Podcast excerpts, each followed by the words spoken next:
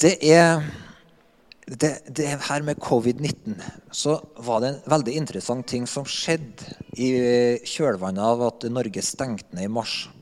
Og det var at det kom melding om at veldig mange opplevde at nedstenginga førte til at livet ble meningsløst.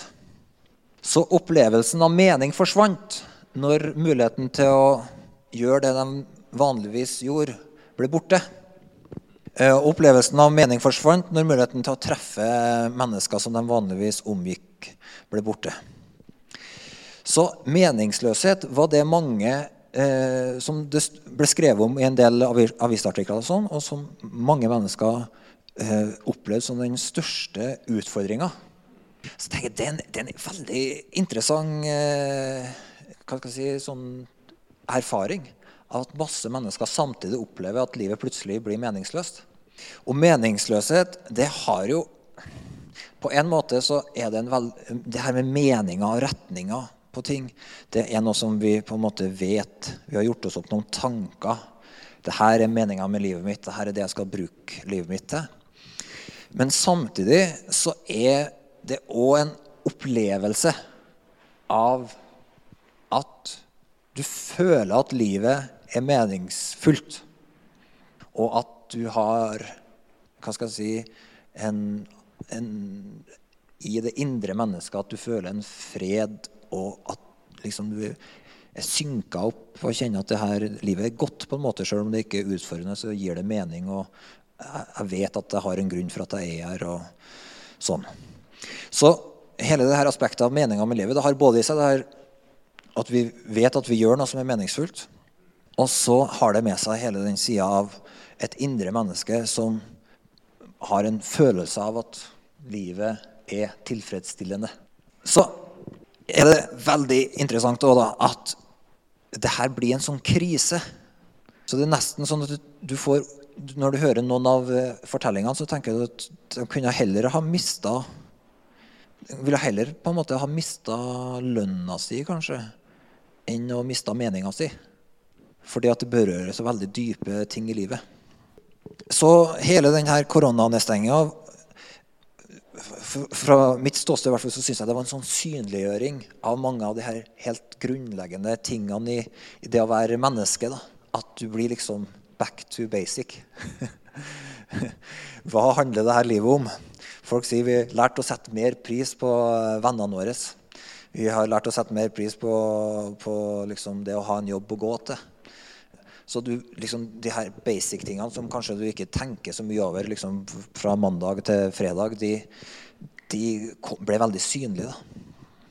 Og Bibelen sin historie om det å være menneske, den handler veldig mye om at En viktig side av det det er at Bibelen sier at vi er mer enn liksom et, sånt, et maskineri som spiser mat og produsere varer og tjenester og våkne og legge oss og leve og dør.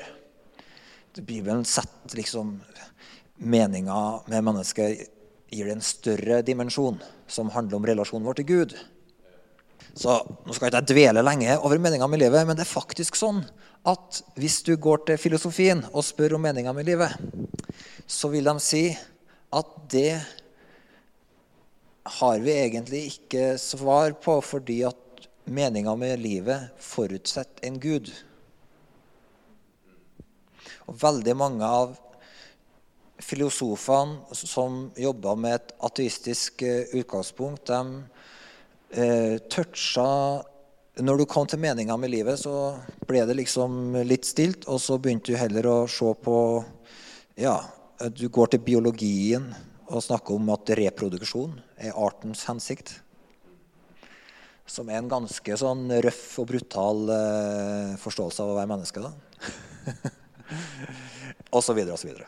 Men så er det mange av dem som sier at skal du snakke om meninga med livet, så må du til teologien. Da må du ha Gud inne i bildet. For hvis mennesket kommer av en meningsløs masse, så er det ingen mening i det. Men hvis det er skapt med en hensikt, så kan vi snakke om hensikt. Jeg tror det er veldig veldig fort gjort for oss uh, i den liksom uh, litt sånn der Gud er distansert, at vi vi òg som kristne kan liksom begynne å prøve å leve liv der Gud på en måte blir en sånn sekundær eller ikke en hovedsak i livene våre. Der vi begynner å søke mening mange plasser. Men det som til syvende og sist kan gi oss, gjøre sjelen vår mett, det er å komme til Gud i alle ting. Fins ikke en sjel som blir mett uten Jesus. Han er hyrden for sjelen. Så i dag Dette var bare et sånt bakteppe, for i dag så, så skal vi i gang med det som er nummer tre i en serie om Den hellige ånd. Og nummer, Opptak nummer én og to fra den serien, hvis dere ikke har hørt det, så ligger det i podkasten vår som er på kftrondheim.no, og så kan du finne podkast. Så ligger opptak 1 og 2. De var fra tidligere i vinter. Der var det litt kortere sesjoner enn vi skal ha i dag. Men der står det Jeg tror den heter Den hellige ånd, hashtag 1, og Den hellige ånd, hashtag 2. Jon Inge nikker. Han har som regel kontroll på faktaene. Den hellige ånd, han, han er i det Gud gjør i verden i dag Egentlig I det Gud har gjort i verden til alle tider, så har Den hellige ånd vært helt sentral i Guds virksomhet på jorda. Serien som vi har nå, da, den tar utgangspunkt i Johannesevangeliet. Kapittel 7 og vers 37. Jeg skal bare lese det raskt. På den siste dagen i høytida, den store festdagen, sto Jesus fram og ropte:" Den som tørster, skal komme til meg og drikke. Den som tror på meg, fra hans indre skade, som Skrifta sier, renn elva av levende vann. Dette sa han om ånden de som trodde på han, skulle få. Ånden var ennå ikke kommet, for Jesus var ennå ikke blitt herliggjort. Den som tørste, skal komme til meg og drikke. Den som tror på meg, fra hans indre skade, som Skrifta sier, renn elva av levende vann. Så Jesus sier at Skrifta taler om strømmer, kilder, elver av levende vann. Og at den Skrifta også sier at det skal strømme fram fra deres indre, som kommer til Han og drikker. Så når, når, eh, når, Jesus her henviser til Skrifta og sier at Skrifta sier, så er det ikke liksom en henvisning til ett bibelsted. For det Jesus sier her, at uh, den som, uh, eller uh, fra dens indre som tror på meg, så skal det renne elver av levende vann. Det, det, er ikke et sitat. Det er ikke sånn at han tar et vers fra Toraen liksom, og siterer det. Men det er en, han sier at Skrifta, hele Skrifta vitner på mange ulike måter om denne elva med levende vann. Og så kommenterer Johannes da at denne elva med levende vann, det er, som Jesus snakker om, det er ånden. Så i hele, denne, i hele Bibelen så er det et sånt gjentagende vitnesbyrd om at Gud har ei elv med levende vann. Og, og Jesus sier at det, det her vitnesbyrdet handler om ånd. Så hver gang du leser de her historiene om elva i Skriften, så kan du tenke at denne historien viser meg noe av hva Den hellige ånd gjør, hvem Den hellige ånd er, hvordan jeg blir kjent med Den hellige ånd. Så hver gang du kommer over en historie eller et profetisk tekst eller en salme eller noe sånt som handler om Guds elv, så vet du at det er et vitnesbyrd som Gud har lagt ned i Skriftene for å lære deg noe om Den hellige ånd. Ok? Og her står jo da Jesus fram og sier den som tørster, skal komme til meg og drikke. Og da er det jo med en gang altså Jesus han er jo inn på et annet sted og snakker med ei dame som holder på og drar opp vann fra ei brønn. Og i samtalen med hun da, så så spør Jesus kan du hjelpe meg å trekke opp litt vann. Jeg er litt tørst.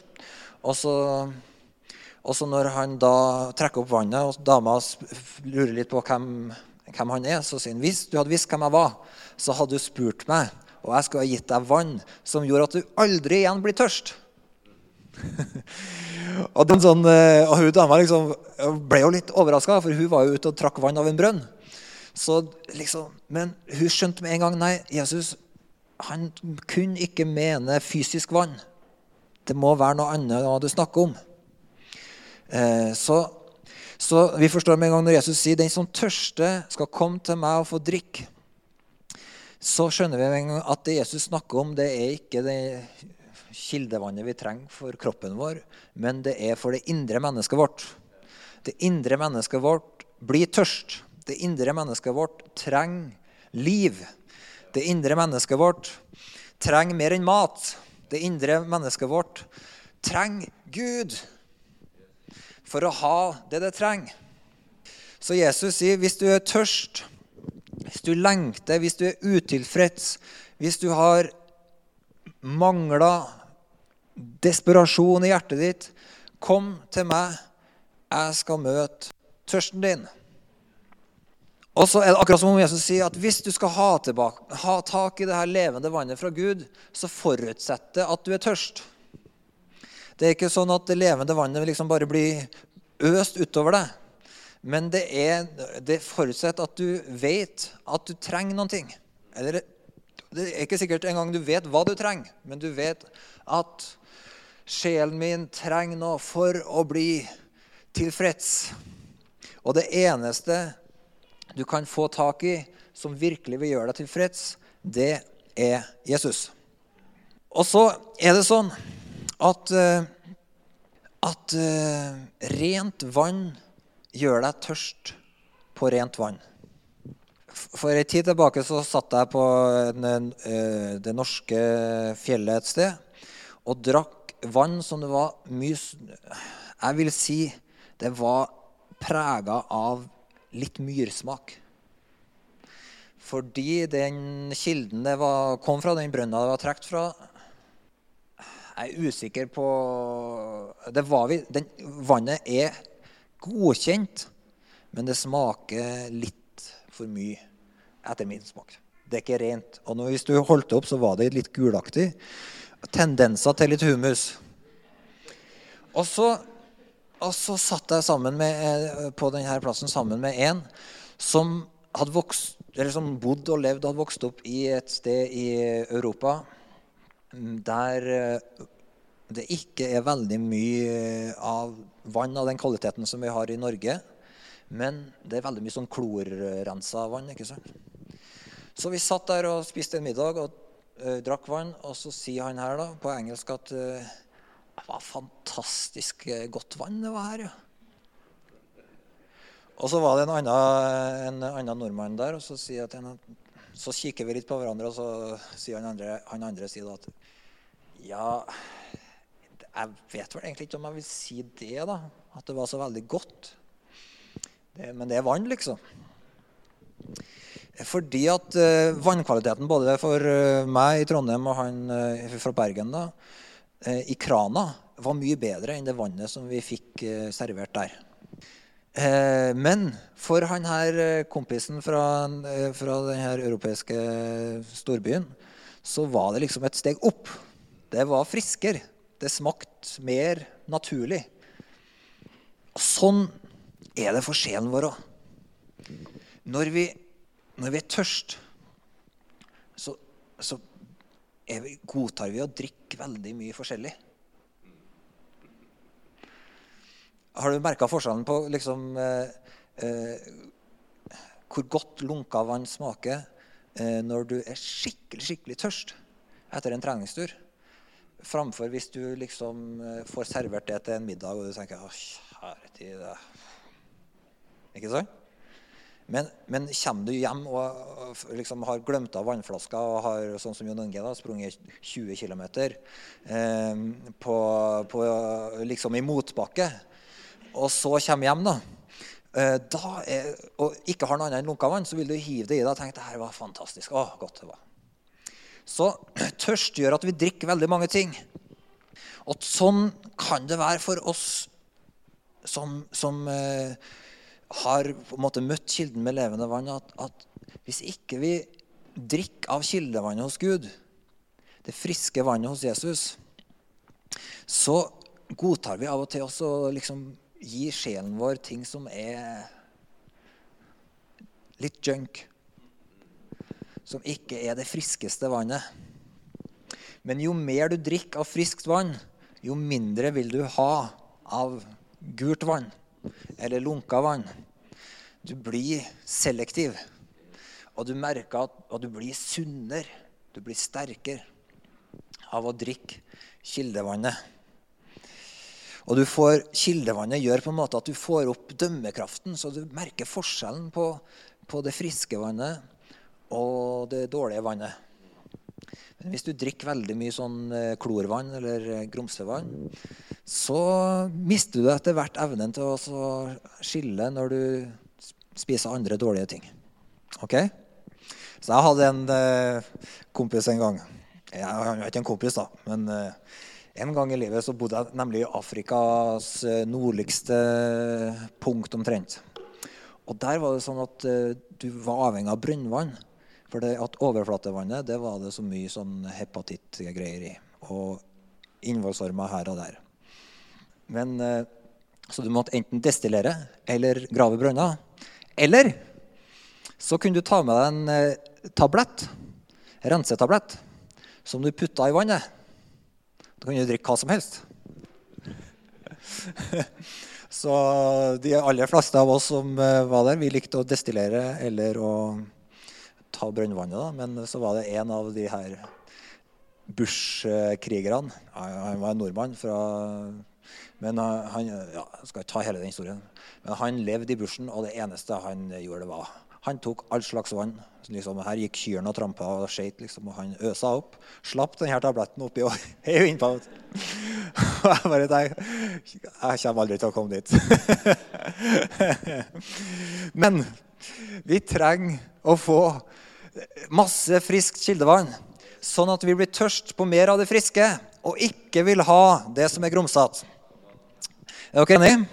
Så i de her to første sesjonene da, om Den hellige ånd, som vi har hatt i, i vinter, så snakka vi i den første om at Den hellige ånd han beskrives med sånne bilder som vind og vann, som forteller oss at han, vi trenger en varhet i møte med han, og som forteller oss at han er en bevegelse. Så vi gjenkjenner Den hellige ånds verk når han beveger seg. Og vi trenger å være i bevegelse for å vandre med han. I den neste sesjonen så hadde vi fokus på at elva fra Gud den flommer ifra tempelet, fra Guds hus. Den flommer ifra alteret, og den strømmer ifra tronen. Og da så vi på hva betyr det å innrette livet sitt så vi er, stå, lever i elva fra Gud. Så det betyr å innrette livet sitt sånn at man står i strømmen som kommer fra tempelet, alteret, tronen. Det kan du høre på i sesjon to. Men i dag så har jeg lyst til at vi skal ha et veldig enkelt fokus, og det er hvordan få friskt, rent, Helligånds kildevann i livet hver dag. Så vi blir tørst på mer og tilfreds i sjelen og ikke går for junken. Så da skal du få bli med til salme nummer én. Vi skal bli veldig praktiske her, så vi kan til og med gjøre en praktisk drikkeøvelse. Drikkelek, ja.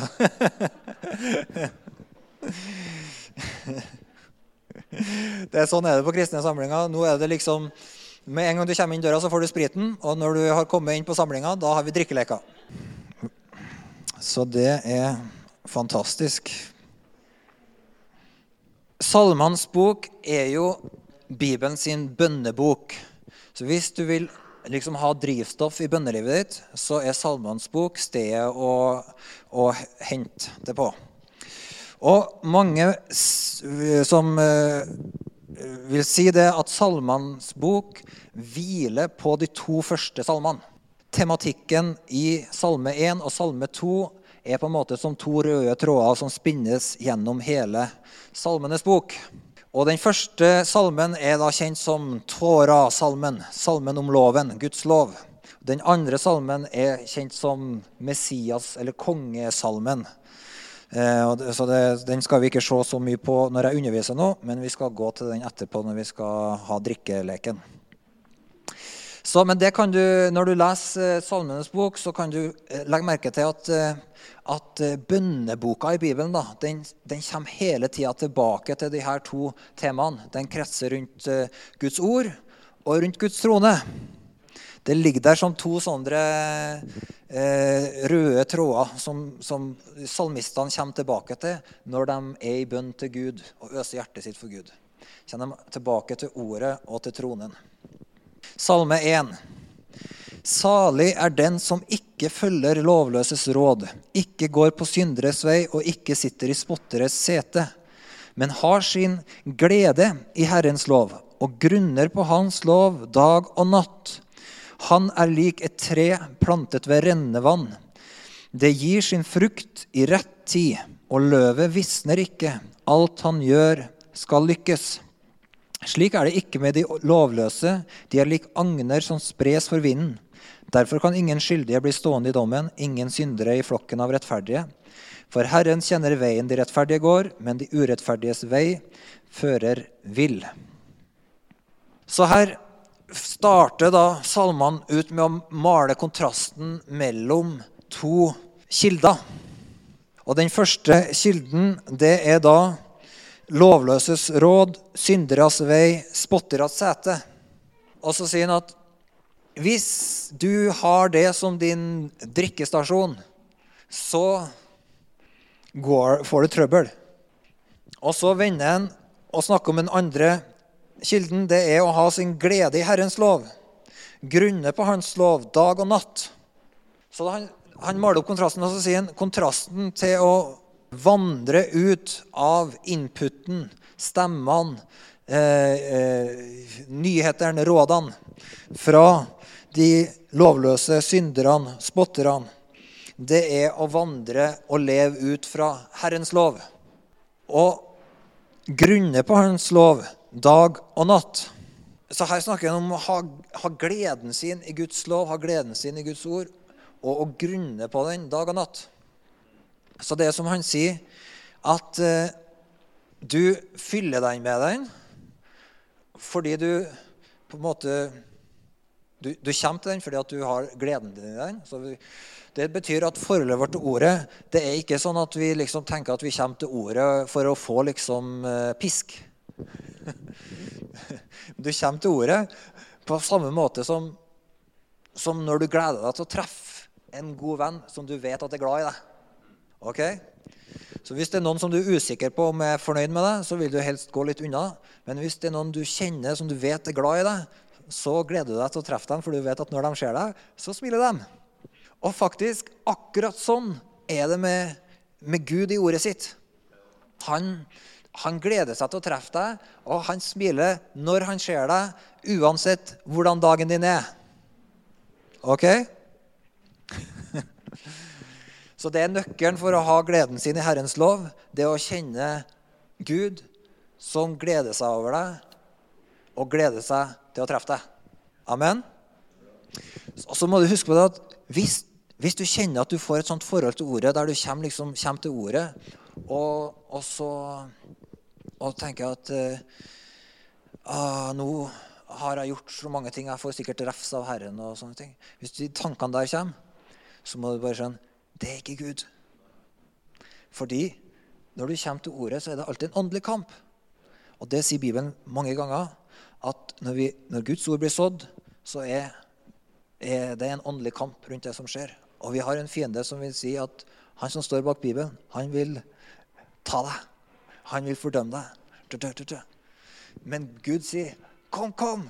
Kom og ha Og så sier han ikke bare Han sier, 'Kom og ha gleden din i min lov'. Kom og, og gled deg over at jeg er her for å oppmuntre deg. Kom og kjenn kildene som er her for å styrke deg. Så her, Nå skal du få et tips til bibellesing.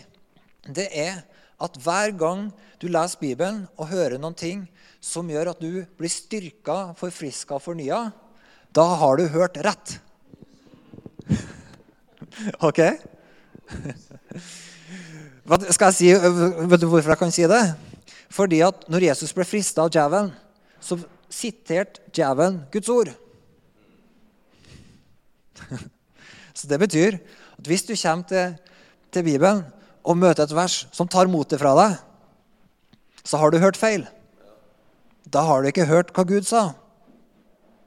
Da har du, da har du hørt en annen stemme enn Guds stemme som bruker de ordene. For Guds stemme, når han bruker ordet sitt, vil alltid sette mot i deg. Alltid oppmuntre deg, alltid frigjør. Fred, glede og liv hos deg. Så Gud oppmuntrer deg. Så når du hører mennesker som oppmuntrer deg, så kan du også si 'takk, Gud'. Fredrik, du spilte veldig bra i dag. Yes. det er Gud som ønsker å oppmuntre deg. Jeg sa det, men du kan tenke at alle de her stemmene som oppmuntrer deg, til syvende og sist, så kommer de fra, fra, fra Jesus. Det er rota til all oppmuntring i hele universet er hos Jesus. Så vi har gleden vår i Herrens lov fordi vi kjenner Gud som en Gud som styrker, forfrisker, fornyer og oppmuntrer oss. Og så står det da at vi grunner på Hans lov dag og natt. Så det betyr at det er akkurat som om det er en sånn fordøyelsesprosess. Ordet kommer til oss på samme måte som du liksom eh, spiser mat. Og så går det inn i det indre mennesket ditt, og så bearbeides det. Og så flyter næringa ut i kroppen gjennom blodårene og jeg vet ikke hva det flyter ut gjennom. Og så bruker man det. Bruker man kroppen sin. Og så blir det til muskler, og så blir det til energi. Og sånn er hensikten med Guds ord òg. Eller denne grunninga, og der vi tenker på det og kommer tilbake til det, det har denne hensikten at ordet det blir til energi. Det blir til kraft. Det blir til, til muskler. Så du, så du, kommer til Guds ord, og så leter du etter den der oppmuntringa fra Herren. Det som styrker deg. Og så finner du å, der ga Gud meg noen ting. Og så tar du imot det i hjertet, og så sier du det høyt for deg sjøl. Og så kjenner du at, at det gjør noe med deg. Og så grunner du på det, og så møter du en utfordring i løpet av dagen, og så husker du det ordet. Og så bruker du det, og så sier du, 'Nei, Gud er ikke mot meg, Gud er for meg'. Og så er det akkurat som om liksom det indre mennesket sine blodåregreier og, og, og kroppslige prosesser begynner å omsette dette ordet, sånn at det blir til styrke for det indre mennesket. Så det indre mennesket blir, blir for muskler. Og du liksom, det blir litt enklere å reise seg og si 'Jeg vet hvem jeg tror på. Jeg vet hvem jeg er'. Hvis du har en klassekompis som eh, flirer av kristne, så fordi du har et ord fra Gud, så kjenner du at det er en styrke i hjertet som på en måte ikke er fra deg sjøl, men som er fra Gud. Og den gjør at du kan si 'Nei, jeg vet hvem jeg tror på'. Jeg vet hvem jeg lever for. Jeg vet hvem som har skapt meg. Og han er den beste oppmuntreren i hele universet. Og han er mye bedre til å oppmuntre enn alle de klassekompisene som snakker stygt om Gud og kristne. For Gud har oppmuntra meg i dag. Fordi ordet hans kom til meg, og jeg hadde min glede i Herrens lov. Så denne prosessen av at vi grunner på Hans lov dag og natt, det handler om at vi tar imot Guds ord, og så tenker på det, sier det til oss sjøl og lever det ut og bruker det når vi trenger det. Grunning å grunne og meditere på ordet det er på en måte en sånn fordøyelsesprosess. Eller en energiprosess der kraft og liv fra Gud kommer inn i vårt liv. Og da er det da at Gud sier at det her det mennesket som lever på denne måten i forhold til Guds ord, han er lik et tre, eller hun er lik et tre, planta ved rennende vann. Så faktisk er vi kobla på Den hellige ånd sin kilde gjennom ordet. Så Bibelen forteller oss at en viktig måte for å erfare Den hellige ånd en helt avgjørende måte for å erfare Den hellige ånd sin forfriskning, det er å komme til Guds ord. Så når vi får det forholdet til Den hellige ånd, så sier Bibelen at da, da kommer vi inn i et fellesskap med Den hellige ånd som gjør at vi ikke blir et offer for vær og vind. Så når vi får et forhold til Den hellige ånd gjennom Skriftene, så blir vi som et tre med røtter. Vi blir som et tre som er planta ved rennende vann. Og det er et tre som gir frukt i rett tid. Så det betyr at du vet, Sjøl om trær mister bladene sine, så er de ikke døde. De lever fortsatt. Men så er det sesonger i livet. Så hvis du skulle skjønne det her med å være menneske, så er kanskje det et av de tydeligste bildene i Bibelen på det å være menneske, det er trær. Så hvis du vil skjønne hva det vil si å være et menneske, studer trær. Og det gode det, med akkurat det, det er at eh, Gud har skapt trær overalt. Så, sånn at du har kjempegod mulighet for repetisjon. Og repetisjon er som sagt nøkkelen til læring. Så hver gang du ser et tre, så må du tenke ja, det her forteller meg noe om hvem jeg er. Du må ikke tenke det hver gang du ser et tre, men du, du kan gjøre det. Og jeg er faktisk har, har begynt å bli håpløst eh, opptatt av trær. Og det er faktisk ikke tull. Jeg, jeg sier det litt sånn fleipete, men, men, etter at jeg begynte å studere Bibelen og så begynte å se på trærne rundt meg, så, så det er faktisk ingenting i skaperverket som er like bedre enn trær, bortsett fra Katrine og dere. Men liksom, trærne det helt i toppen av eh, liksom, min sånn beundringsskala for Gud. Når jeg ser på et tre, så kan jeg liksom Herlighet, for Gud er genial. Det, det, ja, ah, skal ikke gå den veien der, altså. Men, men eh, ta deg tid til å tenke på et tre. Fordi da skjønner du de viktigste livsprosessene i ditt eget liv. Du er helt, helt avhengig På samme måte som treet er avhengig av vann, er du helt, helt avhengig av Jesus. Og kutter du røttene på treet fra vannkilden, da dør treet. Men et dødt tre og et vinterkledd tre ser veldig like ut. Men la deg ikke lure. Og Sånn kan det være i livene våre også. At du kan ha sesonger der du kan føle deg ribba, der du føler at uh, mye av At det kanskje det er mest hardt arbeid.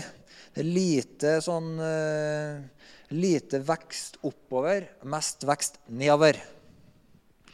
Mest røttene som jobber. Røtter som strekker seg. Her har vi jo vintersesonger. Andre steder i verden så er det tørkesesonger. Og der er Tørkesesongene er ofte sånn rotsesonger der trærne strekker røtter for å få, komme dypere og få tak i mer vann. Sånn at tørkesesongen er med å gjøre treet liksom mer robust. Det tåler mer. Så og, og, og, der det er masse overflatevann, så går liksom røttene rett ut. Men der du, vannet ligger dypere, så må røttene gå mer nedover i systemet. Det er interessante ting, det her. altså. Se på trær. Men, men, det betyr at til og med i de sesongene der vi føler oss ribba, så fortsetter vi å leve med Den hellige ånd fra ordet hans.